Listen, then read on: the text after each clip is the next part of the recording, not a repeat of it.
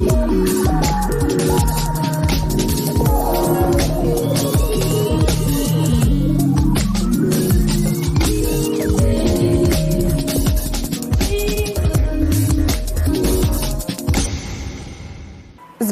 originalnih, često provokativnih, hrabrih i uverljivih interpretacija važi za jednog od najistaknutijih pijanista svoje generacije. Posle godinu dana ponovo je nastupio u gradu u kojem je svojevremeno studirao.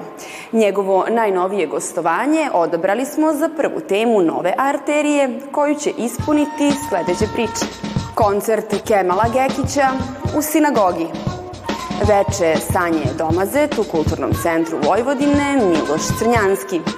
Likovni krug iz Budimpešte na Novosadskom sajmu.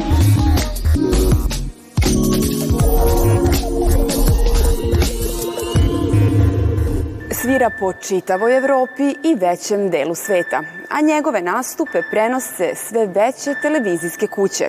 Istovremeno je profesor na Muzičkoj akademiji u Tokiju i Međunarodnom univerzitetu u Majamiju. Čast mi je da Kemalu Gekiću poželim dobrodošlicu u Novi Sad i naš kulturni dnevnik. Bolje vas našli. Jedan ste od redkih umetnika koji uvek drugačije tumači najzahtevnija dela pijanističke literature. Šta utiče na vaš način interpretacije u datom trenutku?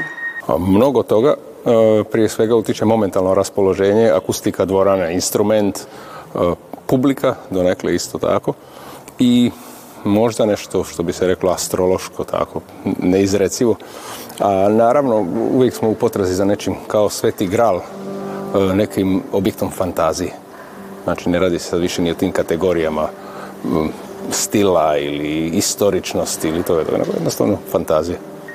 Vaš tonski zapis sa transcendentalnim etidama Franca Lista smatra se najboljim u istoriji pijanizma. Da li je List na prvom mestu vaše liste omiljenih kompozitora? Kad sam ja bio relativno mali dječak, onda u poznatoj enciklopediji muzičkoj koju je izdao gospodin Andrejs pisao kako je list e, kompozitor koji je bio kako bi se reklo, nereprezentiran dovoljno i vrlo mali broj ljudi svirao neke od njegovih kapitalnih dijela kao na primjer sonata. Ja sam bio to vrijeme sebi dao zadaću da skoro na svakom koncertu bude neko dijelo lista. Međutim, sad se ta situacija promijenila i sad jednostavno sviram e, njegova dijela zato što ih poznajem decenijama i e, proučio sam ih od, ozgo do dole i ona su zapravo početak i kraj instrumenta kako ga mi znamo danas. Znači, poslije njega u u tehničkom smislu više ništa novo nije napravljeno. Kako ste sastavili repertoar za ponovni pijanistički susret sa novosadskom publikom? Ovaj repertoar je vrlo interesantan zato što se sastoji mahom od najpoznatijih dijela literature koja inače izbjegavam jer su jako poznata. Međutim, sticajem okolnosti se desilo da sam na uh, turneju u Americi i u Japanu svirao upravo ovakav repertoar sa poznatim dijelima jer uh, nakon covida je postojala tražnja za takvim komadima. Međutim, za mene, s obzirom da mi znamo taj repertoar decenijama, je to veliki izazov kako iz toga zapravo izvući nešto novo, nešto nečuveno, nešto svježe. Tako da sam velikom, velikim zadovoljstvom taj re, repertoar svirao u mnogim gradovima i svaki put je bio malo drugačiji, a između toga ja improviziram neke prelaze, tako da zapravo taj cijeli komad to je sve kao jedan komad, tako, taj cijeli koncert bude kao jedna kompozicija, tako da je to jedna fantazija. Ponovo se vraćam na tu fantaziju. Hvala lepo na razgovoru. Hvala na pozivu.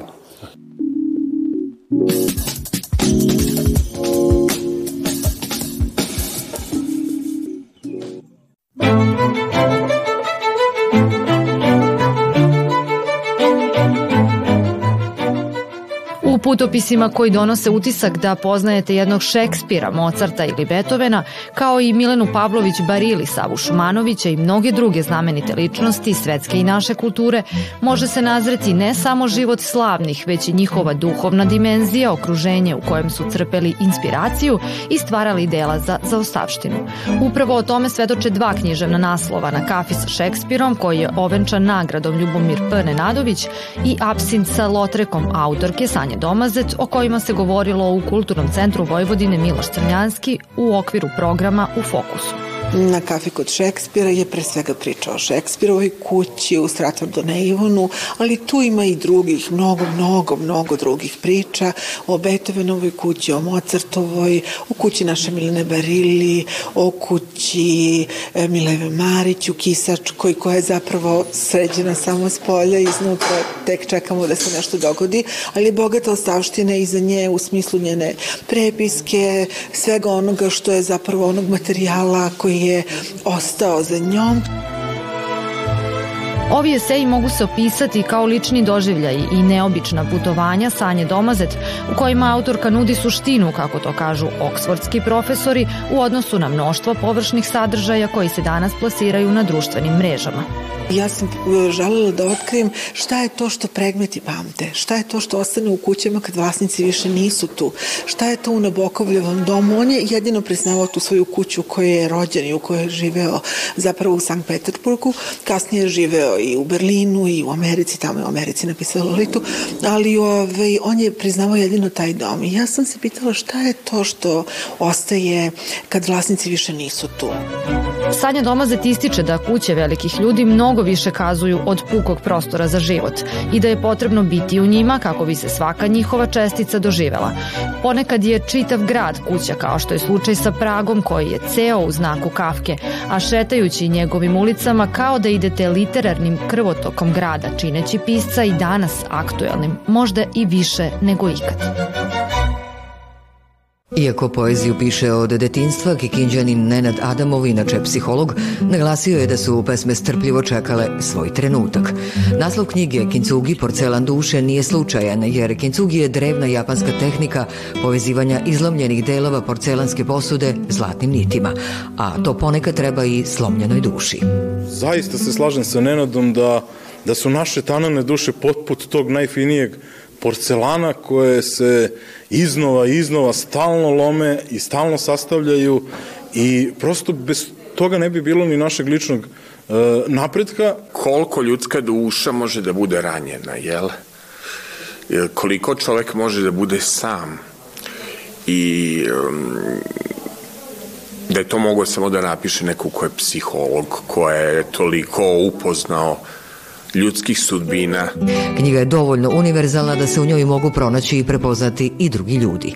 U knjizi postoji ipak taj tračak svetla i nit koja vas izlači iz lavirinta u kojem ste se našli i u koji ste sticem okolnosti bačeni, kaže Nenad Adamov koji od rođenja bole od cerebralne paralize i koji dokazuje koliko je važno boriti se.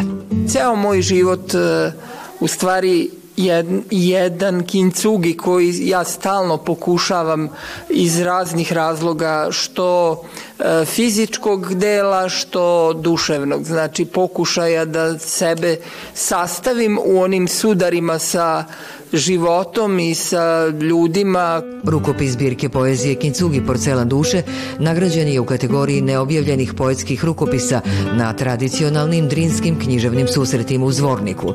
Izdavačka kuća As Oglas štampala je prvu zbirku poezije kikinskog autora. Nakon promocije u Kikindi i Novom Sadu, u maju će zbirka pesama Nenada Adamova biti predstavljena i publici u Beogradu.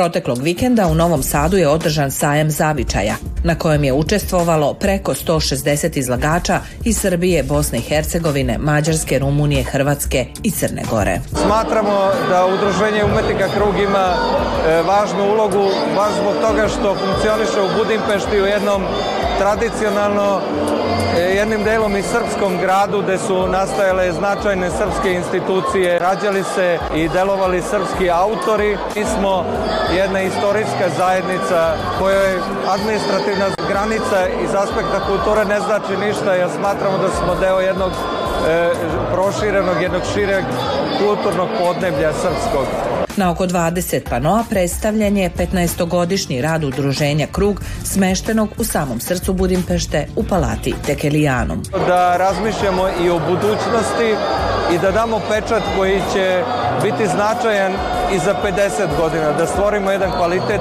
koji će da se pominje i decenijama posle nas.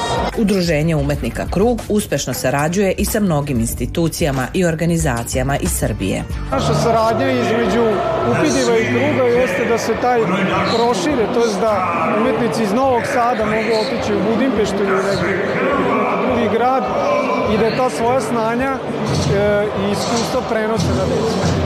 Na izlagačkom štandu Udruženja Krug predstavljen je i dokumentarni film Biser eparhije Budimske u produkciji V Medija i Varoš RTV-a, koji je za 2022. godinu nagrađen specijalnom nagradom Medija Kult koju dodeljuje Novosadski kulturni centar Miloš Crnjanski.